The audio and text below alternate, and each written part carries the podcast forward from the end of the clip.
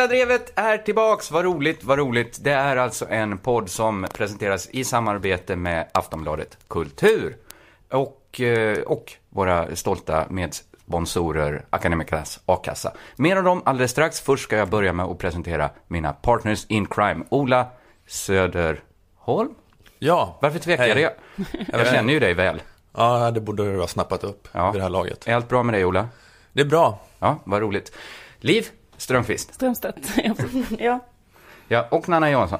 Ja, Välkomna hit. Jag kallar er partners in crime förutsatt att satir är ett brott. Och det är det ju i många länder. Sverige till exempel. Man får inte säga vad som helst för man kallar det rasist. Ja, just det. Det är inte ett brott så rent juridiskt. Men, men- men, det är ett so- socialt stigma. Ja, det blir ju det. Eh, detta är alltså en eh, satirpodd, kan man väl Stämmer. säga. Ja, Ligger i skärningspunkten mellan Voltaire och Lelle Printer, någonstans där. men det är väl, eh, satir är en spännande konstform som är en blandning av dålig komik och dålig journalistik. Vackert sagt, det kommer från grekiskans sa, som betyder tage, och tir, som betyder Danielsson. Det är inte tillräckligt roligt för att vara komik, det är inte tillräckligt sakligt för att vara journalistik. Det är någonting, Det är något mitt det är så emellan. passivt aggressivt mellanting. Ja, ja, men det känns väl bra det. Vi, vi diskuterar helt enkelt eh, händelser som hänt i världen. Och jag har reagerat på, har ni sett att Nordkorea är lösa igen? Eva då? Lösa igen, alltså eller jag tänker att de, det är lite oroligt där. Det är Ja, liksom ja. är så här, de avrättar folk i högre leden och Mm. kärnvapenstester och så. Man blir orolig när man ser Kim Jong-Un. När man, när man ser honom liksom. Mhm. Man blir liksom orolig mer av att se honom, för hans, hans ansikte är Men han liksom är lite som... så cigarettgrå och plufsig liksom. Ja, det ser liksom ut som en sån fotboll som legat i garaget en hel vinter. Så ser hans ansikte ut. Ät dina vitaminer. Så känner jag, för att även, han gör ju dåliga, dåliga saker såklart. Men han förtjänar inte att dö för det. Vi tror ändå inte på dödsstraff. Men är det nej. inte bättre om man har liksom en sämre kapacitet att eh, Vara ond. eh, vara ond? Exakt. Ja, men det är ändå tråkigt när någon, när någon är så himla, himla... Ja, har ni sett de bilderna på honom? Det, det är som, kinderna hänger som två tomma sadelväskor ner för ansiktet. Ja, jag tänkte att han ser lite fryntlig ut. Fri... Nej, tycker du det? Du, du menar att det är en osund typ av Alltså hans övervikt? pappa såg ju mycket freshare ut. Ja, men, Jaha, ja, ja, det ja, tycker det jag också. bra. Och hans farfar såg fräschare ut. Det här är ju en kille i min Hans ålder. farfar ser fräschare ut nu än vad han gör. Så är det med det. Farfar är väl fortfarande eh, statschef? Ja, också. just det. Det är en, en- så kallad det- nekrokrati, heter det va? Just det.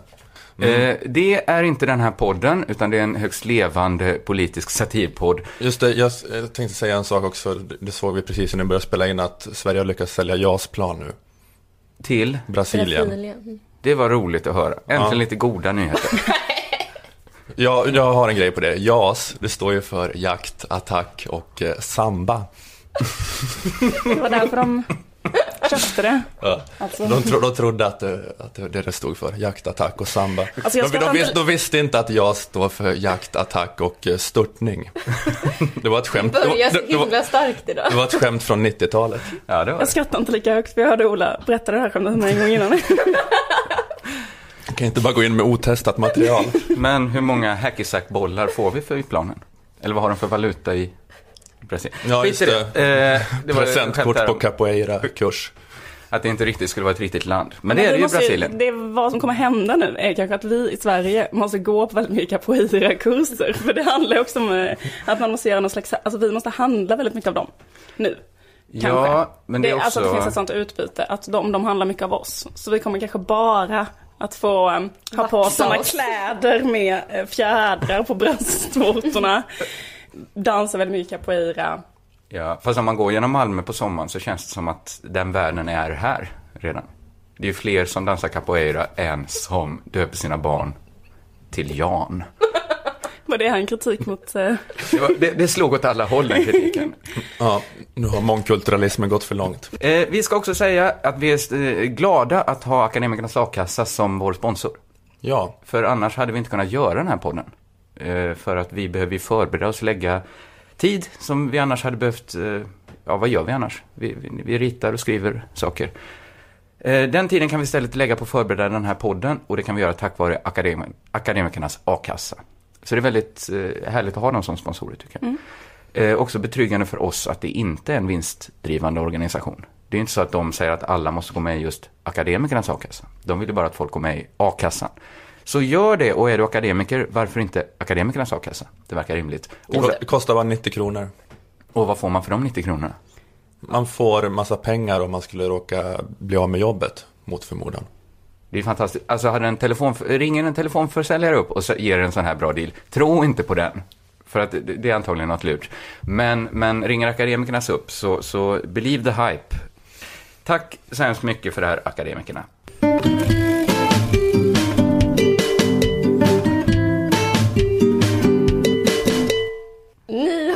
Det här om att det håller på att skrivas en eh, uppföljare till Stig Larssons eh, Millennium-trilogi. Ja, Ja, Mm.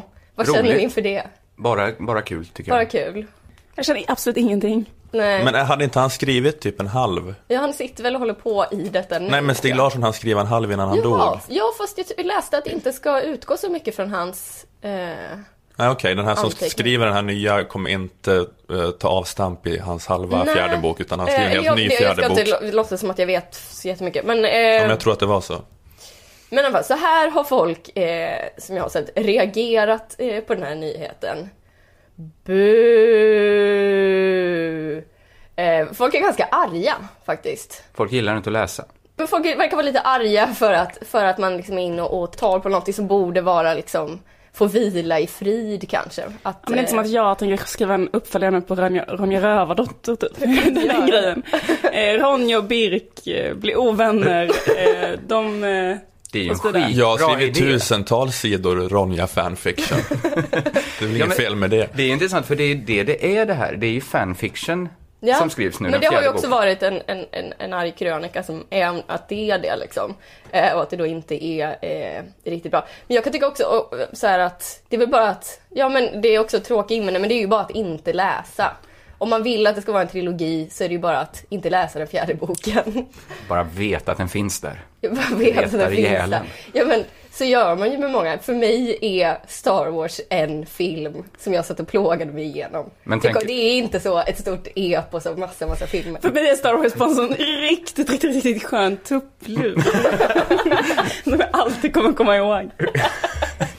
Men tänker du likadant Nanna om till exempel Mein Kampf och nazistiska pamfletter? Att Men det är väl bara att låta bli att Är läsa? detta i närheten? Jag vet inte, jag har inte läst den här Är folk fyran. arga på det för att det kommer vara... Eh, ja, strunt samma. Men många verkar ju eh, arga för att eh, någon person som är obehörig, som inte är Stig Larsson, ska då skaka liv i de här älskade, älskade karaktärerna. Alltså någon som inte står exakt lika nära att kunna gestalta en 24-årig gåttjej Ja, som Stig Larsson gjorde. Men jag skulle vilja lugna alla skeptiker eh, genom att peka på vem det är som fått äran eh, att skriva den här uppföljaren.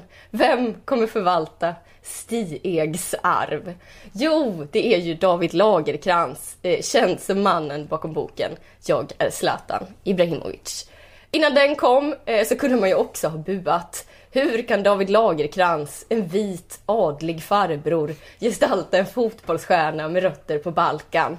David Lagerkrans som enligt Wikipedia vuxit upp på Drottningholm. Hur eh, kan han skriva om en kille från Rosengård? Det kunde man ha invänt.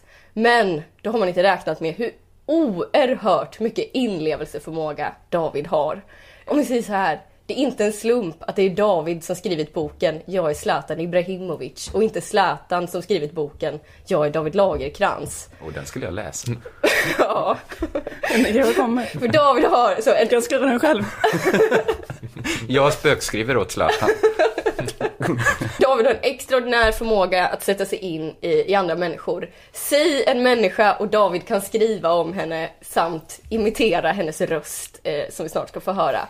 Eh, för så här berättade David Lagerkrans att hans skaparprocess med Zlatan-boken såg ut. Det här sa han i Morgonpasset häromveckan. Men, men det märkliga kan man ju säga med hela historien var att först så sitter jag väldigt länge med honom och så skriver jag en bok då som heter Jag är Zlatan, eller hur? Va? Men vem var det då som var Zlatan i sju, åtta, nio månader? Du. Det var jag! För jag sa det till hela tiden, det är jag som är Zlatan, för jag var ju tvungen att gå in i den här rollen, det är jag som är Zlatan. Du vet, jag brukar skriva så sofistikerat och fint, så skulle jag skriva lite sådär ghetto language.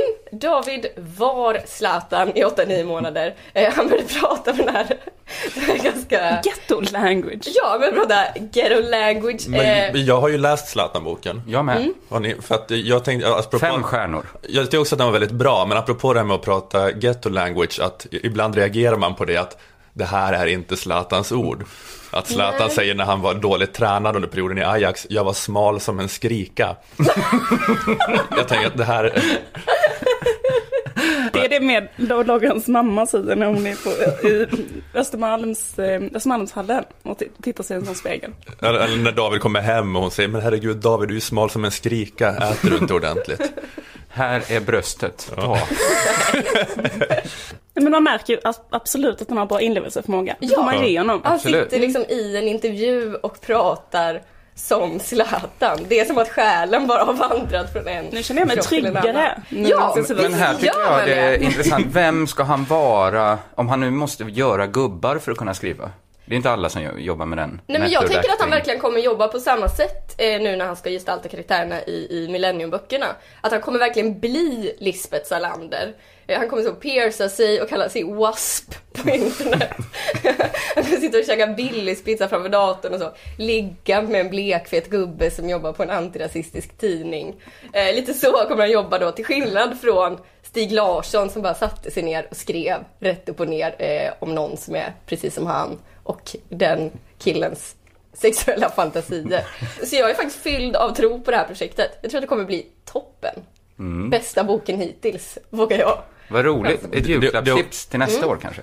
Det är också så att ehm, alla pengarna ska gå till Expo även den här gången. Tror jag. Har, är det förankrat hos David Lagercrantz? Jag vet inte, eller jag får med att jag, Kan inte Expo bara eh, lite granska hans eh, brytning?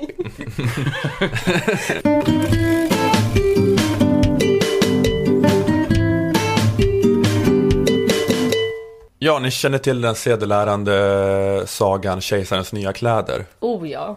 av Hans Christian Andersen. Oh ja. Vi kanske ska tänka på att inte spoila ifall det är någon som inte har hört den. Ja, precis. Stäng av, sluta lyssna då. Det är ganska Men kommer inte du berätta sagan? Ja, eh, två skräddare syr nya kläder till kejsaren. De säger att de syr kläderna med en magisk tråd eh, som gör att korkade personer inte kan se kläderna. Ingen vill framstå som korkad så alla låtsas att de ser kläderna eh, när kejsaren paraderar runt. Tills ett barn ropar, men kejsaren är ju naken! Och då har jag funderat på, vem är barnet i kejsarens nya kläder i vår tid? Eh, Den som står över Någon som är masspsykosen. jävligt korkad.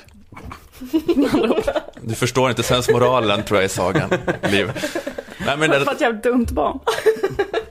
eh, den som står över masspsykosen och vågar påpeka det som eh, alla kan se men ingen vågar säga. Jo, barnet i kejsarens nya kläder i vår tid är min fru. Alltså regeringen. Fredrik Reinfeldt och dem. Ja, det är bra. Tack. Bara smashar in dem. Och anledningen till att eh, regeringen är barnet i kejsarens nya kläder är för att regeringen så klart och tydligt kan peka på varför det finns våld i samhället. Eh, Andra håller på att slå knut på sig själva med massa invecklade teorier när de ska förklara anledningen till att våld uppstår. Det kanske är brister i välfärden, tillståndet i skolan, det kanske är arbetslöshet, det kanske är strukturer, det kanske är rasism eller religiös extremism, det kanske är klassamhället. Men, men eh, regeringen trasslar inte in sig på det här viset, de bara säger som det är. Att anledningen till att det finns våld i samhället, det är att vissa människor slåss. Jaha. Just det. Ja, men det, är- det är ju sant i alla Och, fall. och det är fel att slåss, Ja. tycker också regeringen. Eh, Nu senast har det varit den här uppmärksammade grejen i Kärrtorp, eh, då en, ni har hört talas om den. Ja. En antirasistdemonstration attackeras av nazistgruppen Svenska motståndsrörelsen. Fredrik Reinfeldt ombads eh, kommentera händelsen och då sa han eh, så här. Hur ser du på gårdagens händelser? Polisen har ju själva sagt att man inte hade tillräckligt med information eller att den inte fungerade och därför inte kunde skydda demonstranterna. Ja, det tycker jag är polisens sak att eh, utvärdera. Det är allvarligt med alla former av våldsanvändning. Det är allvarligt när det också får spridning och riskerar hota tredje man. Ja, det finns ingen anledning att eh, blanda in ideologi för mycket när man kommenterar en sån här naziattack. Nej. Eller jo. Man behöver inte identifiera en specifik ideologisk strömning som ska motarbetas. Man kan nöja sig med att säga att det är fel med våld. Och det är särskilt jobbigt när våldet drabbar tredje man. Jag vet inte riktigt vilka som är tredje man när nazister attackerar en antirasistdemonstration. Ja men det är väl den som bara står på gatan och inte är med i antirasistdemonstrationen men ändå kan få spö. Men okej ifall man har gått med sin barnvagn till en antirasistdemonstration och ställt sig där. Då är det ju en sak om man blir drabbad av våld. Då har man sagt, Men jag är tänk med och spelar spelet. Ja, men då har man varit med, de har ställt sig Ja, då är där. man ju en av parterna. Ja men exakt. Men jag tänker att tredje- och då är det kanske inte så farligt om man får spö. Men om man har, bara står bredvid. Ja, för det är ju två grupper som har extrema åsikter. Vissa är rasister och andra är antirasister. De står verkligen varsin pol. Och så alla vi som står i mitten och känner, jag är varken antirasist eller rasist. Det är vi som Ska är jag behöva drabbas Ja. av våld? Nej, men jag tänker att eh, tredje part borde vara människor som varken identifierar sig själva som antirasister eller nazister. Och det borde ju då vara rasister som inte bekänner sig till just nationalsocialismen. Ja, ja. Är det inte så det blir? Just det, de är lite mjäkigare. Ja, det är jobbigt om de kommer emellan den här eh, uppgörelsen mellan å ena sidan nazister och å andra sidan random människor som vill skriva under på åsikten att alla är lika mycket värda. Eh, det handlar om att man inte vill politisera sådana här händelser för mycket. Eh, för jag tänkte på att det var samma sak i våras eh, då det var våld i form av kravaller i Stockholmsförorten Husby. Bilar sattes i brand. Och då var Reinfeldt återigen det här barnet i Kejsarens nya kläder. Han såg det för vad det var. Vad är orsaken till den uppkomna situationen då? Ja, finns ju en kärna, som det ofta finns, av unga män som tror på våldsanvändning. I kärnan av detta, den här liksom andra gånger, så finns en grupp av unga arga män som tror på våldsanvändning. Vi har grupper av unga män som tror att man med våld och med en kärna väldigt kopplat till just unga arga män Med våld och en kärna som är kopplad till Arga, Våld. våld, unga, arga män. Det var ett ihopklipp där från Reinfeldts presskonferens om Husby. Ja. Problemet är att de är arga. Det är inte så mycket ett samhällsproblem som det är ett humörproblem. Ja, man kan gå med en så här blyertspenna instucken långt bak i munnen. Så tvingar man sig själv att le. A Och så- smile is the prettiest thing you can wear. Det ska man kunna sätta upp eh, någonstans i Husby kanske. Man ska inte politisera för mycket. Eh, Problemet är att de unga männen är så arga och därför då tillgriper de våld. För att de är arga. Och har en kärna av, Av arghet. av arg. Mm, den här lilla, lilla kärnan där längst in i de här männen. Man skalar Konstigt. argt lager efter argt lager. Och så hittar man en jättearg kärna där inne. Ja, precis. Det är som en diamant av arghet. Hårt sammanpressad kärna. Arg, arg, arg. Justitieministern Beatrice Ask eh, fick också frågan om problemen i Husby i Ekots lördagsintervju. Vi har många arga unga män. Och många unga män framförallt som, som är arga och upprörda. Och en del av de här unga arga vill gärna eh, slåss med polisen. Ja, men det är samma grej där. Hur kommer det sig att de slåss med polisen? De är arga. Eh, Men hon sa också, Problemet startar ju redan när man tänder på bilen. när startar problemen i Husby?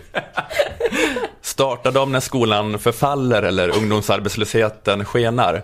Eh, Nej, problemen startar ju bevisligen när bilen antänds. Redan när bilen antänds. Det är år noll. Där börjar det. Man kan inte gräva djupare än så, det blir fånigt att göra det. För att det är ett så enkelt orsakssamband. Ja, annars hamnar man i det här att är det en fjärils vings, vingslag i Kina som har drivit fram det? Alltså man kan ju backa bandet hur långt som helst. Man håller på som kanske andra debattörer att trassla in sig i det här med klass och strukturer och så. Finns det några strukturer i samhället? Ja, det finns strukturen eld som förtrycker strukturen bil. Här tycker jag att Beatrice Ask blir så extremt mycket som barnet i Kejsarens nya kläder. Alltså barnet, hon ser det självklara. Bilen brinner på grund av det fria skolvalet. Kanske Göran Greider skulle säga. Det låter ju helt bisarrt. När var det senast du såg någon tända eld på en bil med en Jan Björklund-motion? Aldrig hänt. Nej. Eh, Så Beatrice Ask säger, eh, nej, bilen brinner för att en tände på bilen. Och alla bara inser det, ja det är ju därför den brinner. Men har inte jag rätt då när jag säger att barnet är helt dumt i huvudet?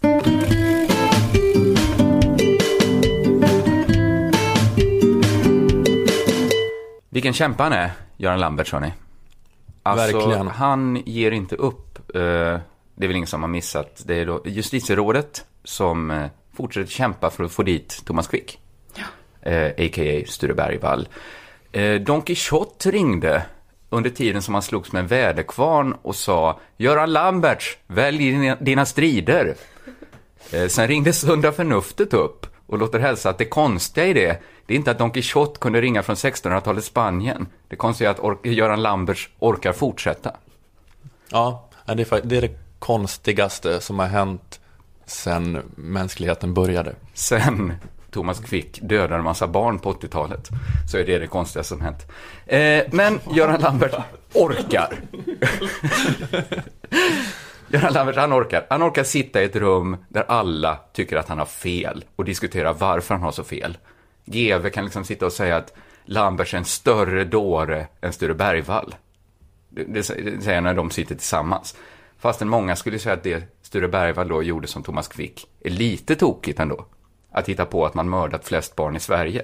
Det är ju inte säkert att Göran Lambert skulle ha hittat på samma story bara han hade rätt droger och rätt psykologer. Att han skulle gå runt i skogen och säga, här satt jag och slog sönder ett barnben med med en sten. Eh, Men och det, här är inte Leif GW, han sticker ju inte ut i den här åsikten. Alltså 98% av Sveriges befolkning skriver ju under på det nu, att, att Sture Bergvall är, är vettigare än Göran Lambert. människa. Ja, men, de flesta skulle nog hellre se att eh, Thomas Quick passar deras barn än att deras barn får se Göran Lamberts på tv. För att det är mer skada. Det är liksom fler som tror på Neptunus, att det finns en havsgud med en treudd, än vad som tror att Göran Lamberts har rätt i den här frågan, att Thomas Quick skulle vara skyldig. Men Göran Lamberts orkar och han står på sig. Och han orkar skriva. Inom fyra dagar nu här i december så har Lamberts lyckats få in två artiklar på DNs kulturdebatt. Är de långa? Eh, en var lite lång och en var lite kort. En var, en, båda var lagom långa. Eh, båda är inspirerade av Tåströms platta Det är ni som är konstiga, det är jag som är normal. Alla som tycker att Thomas Quick är skyldig, alltså alla utom Göran Lamberts, är oskyldig menar jag, eh, de har fel och Göran Lamberts har rätt. Och så skulle det kanske kunna vara, det vet vi inte. Ja, eller är det inte ganska belagt? Det är ganska belagt. Det är ganska belagt. Att, att den här debatten börjar bli lite grann som eh, kanske debatten i USA mellan folk som tror på evolutionen och folk som tror på kreationismen. Men då- där är det ändå mer, eh, det är väl ändå mer jämnt där på något sätt. Eller det är ändå fler som liksom är kreationister i USA. Ja, precis, men det börjar att hur ska man göra värdering som journalist för att man säger att det finns två olika läger, båda måste få komma till tals. Men om ena har rätt och andra har fel så kanske man inte borde låta kreationisterna komma till tals Ja, bara för att de finns som en grupp. Och det kanske är lite på samma sätt kanske man ska börja se på det här Kvick är skyldig-laget Just nu i Sverige. Att man kanske inte ska låta dem skriva fler artiklar. Ena sidan är alla och andra sidan är Göran Lamberts. Då måste inte alla sidor komma till tals. Men det får de göra och då uppstår vissa märkligheter. Jag, tänkte, jag har gått igenom hans eh, två debattartiklar här. Och det märkligaste tycker jag är att han inleder en av de här artiklarna med att räkna upp sina förebilder. Eh, och då, då är det alltså förebilder för att de varit moraliskt gedigna människor. Och det är då KG Hammar, eh, biskop Say hello to a new era of mental health care.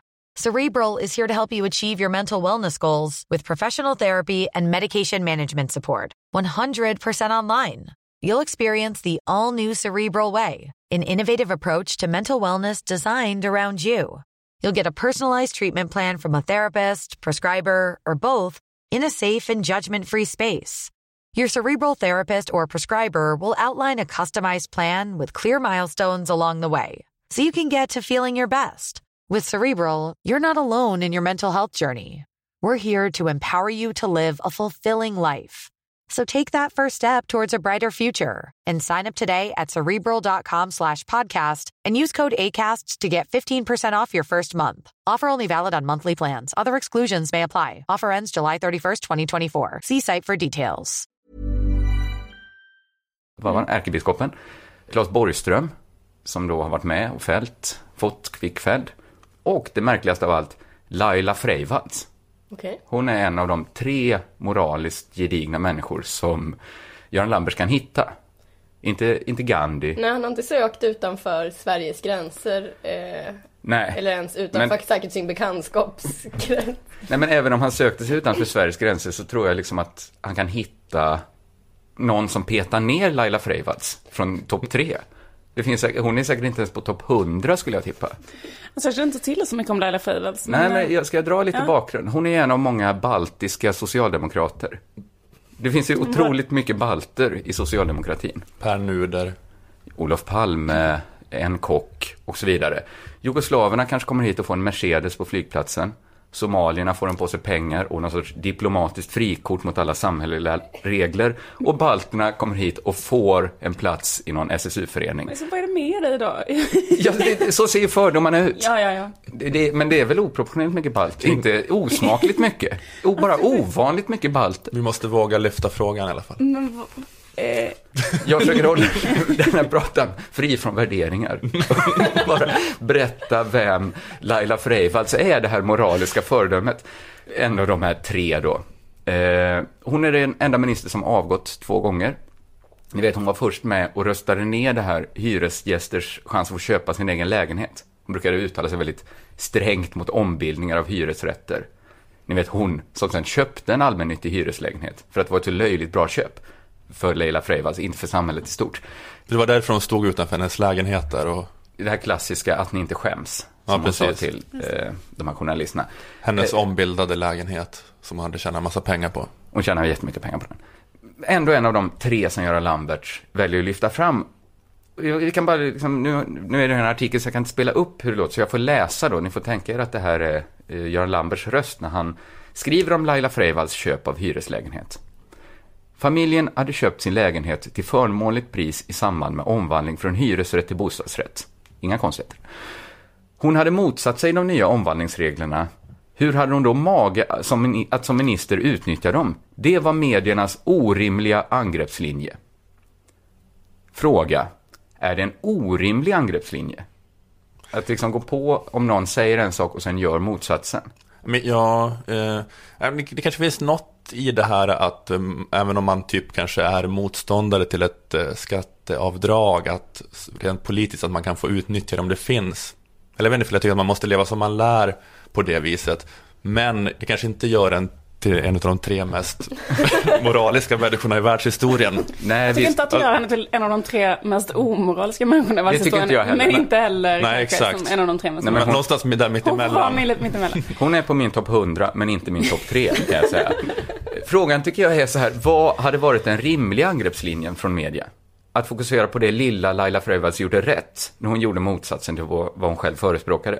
Man kanske borde ha hyllat Laila Freivalds för att hon köpte lägenheten med riktiga pengar och inte hota sig till den med kniv. Det hade ju varit då en rimlig angreppslinje som Mera media- glaset är halvfullt. Ja, Gör- Göran Lambert tycker ju att gl- glaset, fast det bara kanske är en droppe i glaset, så, så håller det på att svämma över av Laila Freivalds godhet. Eh, han verkar funka lite så, Göran Lambert. Han skriver att han har läst Hannes Rådshams bok, där Rådsham då, som vi vet nu, frikänner Kvick. Eh, han skrev att den här överväldigande bevisningen för Rådstams case gjorde honom osäker första gången han läste den. Men så väljer han istället att tycka att alla bevis som talar för att Quick är oskyldig är en orimlig angreppslinje mot honom. Varför, varför fokuserar alla på den här våldsamma mängden bevis som talar emot Göran Lamberts? När man lika gärna kan liksom titta på en hund som Göran Lambert hört talas om, som markerat på en sten någonstans där Thomas Quick eventuellt har suttit och äcklat sig med ett ben. Han skriver så här. För det första vet vi inte om Quick begick morden eller inte. Han är frikänd och ska betraktas som oskyldig. Men av detta kan vi inte dra någon slutsats om verkligheten. Då säger jag, men någon liten slutsats kanske man kan dra.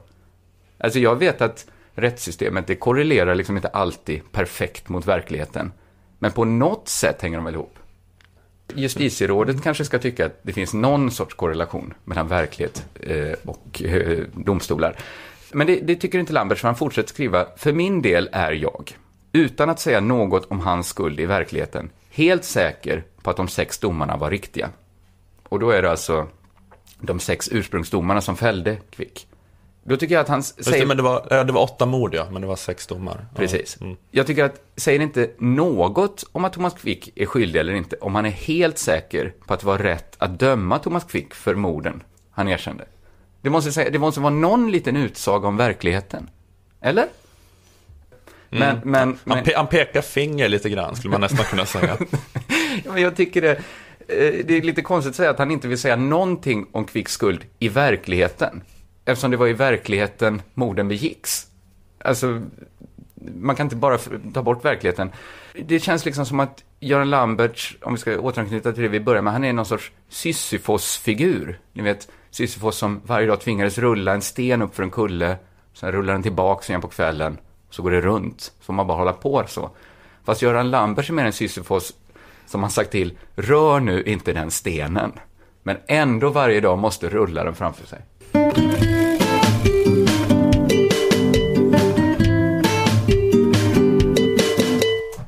Är det snart jul. Det är sanningen. Och det är många saker som eh, dyker upp i det offentliga rummet i juletid. Små tomtar dyker upp. Mhm. Julgransbelysning dyker upp. En och annan bild på Jesusbarnet kanske. Ja. Och en annan sak som dyker upp är sexiga underkläder. Och det har jag tänkt prata lite grann om. Alltså julens koppling till sexiga underkläder. Vad gör det det? Ja, du vet till exempel Lindex eller några andra. Orkar inte riktigt, eh, har inte riktigt kollat vad de heter. Men att de sätter upp jättestora reklamtavlor där olika 20-åringar liksom ligger utspridda runt en jättestor julgranskula och har på sig just sexiga underkläder. Man det känns Det är bekant. sådana som är lite röda och med kanske lite fluff. Att det är som en omsydd tomteluva liksom. Exakt, julunderkläder är det, för de är röda. Men vi, För röd är ju tomtens färg. just det, just det. Men annars upphör väl likheterna med en tomteluva. Ja men det är mycket att det bara Speciellt. är underkläder också ju. Det är mycket att det bara är så kallade sexiga underkläder. Fast de är röda. Man kan inte ha en vanlig hor-negligé på sig på julafton. det vore att vanhelga tomten. Därför måste man ha en röd hor-negligé. Det är lite det som är. Lite så sexig tomtemor. Exakt. Men eh, eh, Sverigedemokraterna är oroliga att det i framtiden kommer bara finnas sexiga vinterfestunderkläder. Precis. Det finns också reportage i tidningar eh, där till exempel deltagarna från Ensam mamma söker visar citat julens under. Och det kommer riktad reklam till min Facebook-sida eh, för att jag har googlat på det här. där det står bli julfin eh, till en bild av en spetskorsett. Så kan det vara. Men vad är grejen med att man just under julhelgen förväntas vilja klä ut sig till en slampig tomtenisse? Är det för att man har lite tid då? Kanske, men man har ju också tid andra årstider. Hur ser kopplingen ut mellan Jesus födelse, risgrynsgröt och en sunkig på från Kappahl? Hur kan liksom västvärldens önskan att fira jul eh, hålla igång en sån sweatshop i Kambodja som massproducerar riktigt, riktigt fula eh, stay-ups i polyester? Det är det som är frågan. Ja, kommer, det, kommer vi få ett svar serverat? Jag vet inte. Alltså det här med att vara snäll på julen, det har man ju hört, eller hur? Men att det. man ska vara sexig på julen. Det det är- jag förstår inte riktigt det. Eh, finns det, är det så att, eller så är det så att det är barn som ska vara snälla på julen och att kvinnor ska vara sexiga. Och att tomten kan säga så här, finns det några snälla barn? och så har jag en fråga till. finns det några sexiga kvinnor? Jag vet inte, men det känns bara lite onödigt för att julen liksom ändå är så för kvinnor att de står och stressgråter i köket med ett sånt tryck över bröstet medan de bakar och städar och planerar och saltar eller saftar och syltar och utför olika slags emotionellt arbete. Men ska vi då också under vårt smutsiga gråtfläckiga förkläde ha på oss en sån tomtekorsett? Det bara känns orimligt liksom. Och varför är det så? Är det för att Svensk Handel har haft ett möte någon gång för några decennier sedan och någon bara, jag tycker inte att julen är tillräckligt sexistiskt. Finns det något som vi inom näringslivet kan göra?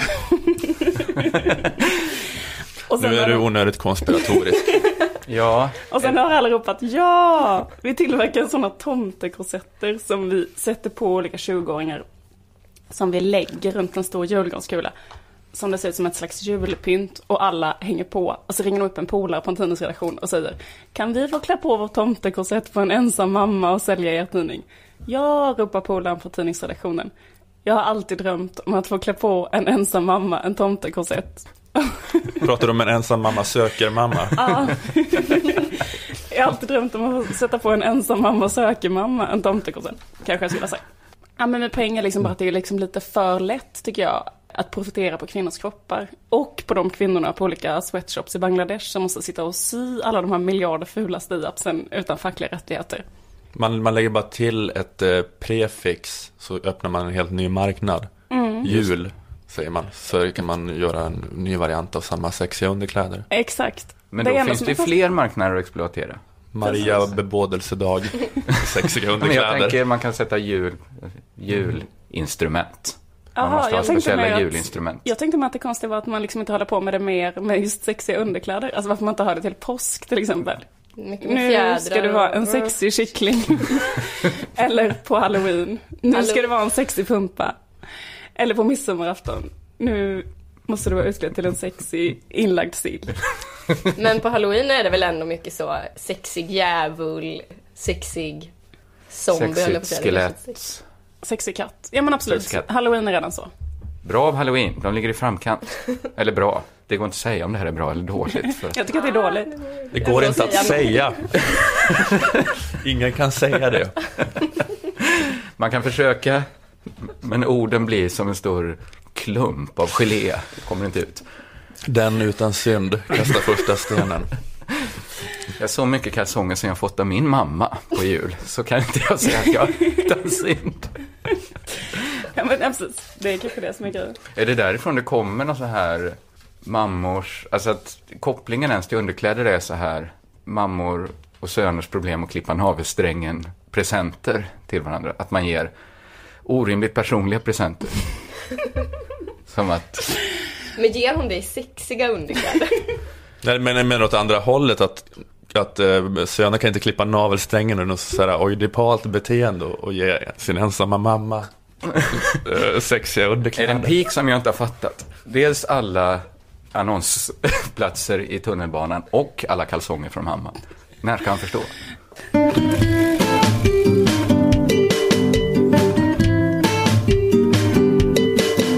Yes, då har ni hört tredje avsnittet av Lilla Drevet. Det var väl skönt att få det här gjort? Och Ja. Vi fick, det var en härlig gottepåse. Det var lite om Stig Larsson och det var lite om Göran Lamberts och vad var det du pratade om? Du pratade om Kärrtorp-kravallerna. Ja, precis. Om eh, regeringens förmåga att vara... Beatrice Ask. Beatrice Ask. Just det. Och vi fortsätter på sexspåret och pratar om eh, sexiga underkläder. En, ett, Referera aldrig till programmet som en gottepåse igen. en sexig gottepåse blev det idag. Eh, det, vet vi inte. Vi har ju ett litet problem, vi vet ju inte riktigt vilken Säger dag... du gottepåse också liksom om du skulle köpa? Eller liksom, säger du så här, ska jag ha en gottepåse? Nej, Kringlan det, brukar stå i olika parker i Malmö med gottepåse. det, var, det var en Aladdin-ask med alla, med alla tänkbara... Det var, det var ljuschoklad, det var... Skit i det! Eh, liknelserna håller inte hela vägen. Eh, Vi tackar för oss och vi tackar vår huvudsponsor Akademikernas A-kassa. Är ni akademiker, gå med i Akademikernas A-kassa. Är ni inte det, synd för er, det blir ett tufft liv. gå med i en annan gå in i, med en annan a-kassa såklart, så klarar ni biffen bra. Eh, vi är väl tillbaka, vi vet inte vilken dag precis det blir. Det är lite rörigt vilka dagar vi publiceras på. Vi är tillbaka på fredag eller lördag tror jag. Mm. Ni märker det om ni håller koll på era RSS-flöden eller iTunes, eller för den delen Aftonbladet Kultur som vi presenteras i samarbete med. I samarbete, ja, i samarbete med. Tack för den här God jul. sändningen. Ja, god jul på er. God jul. God jul.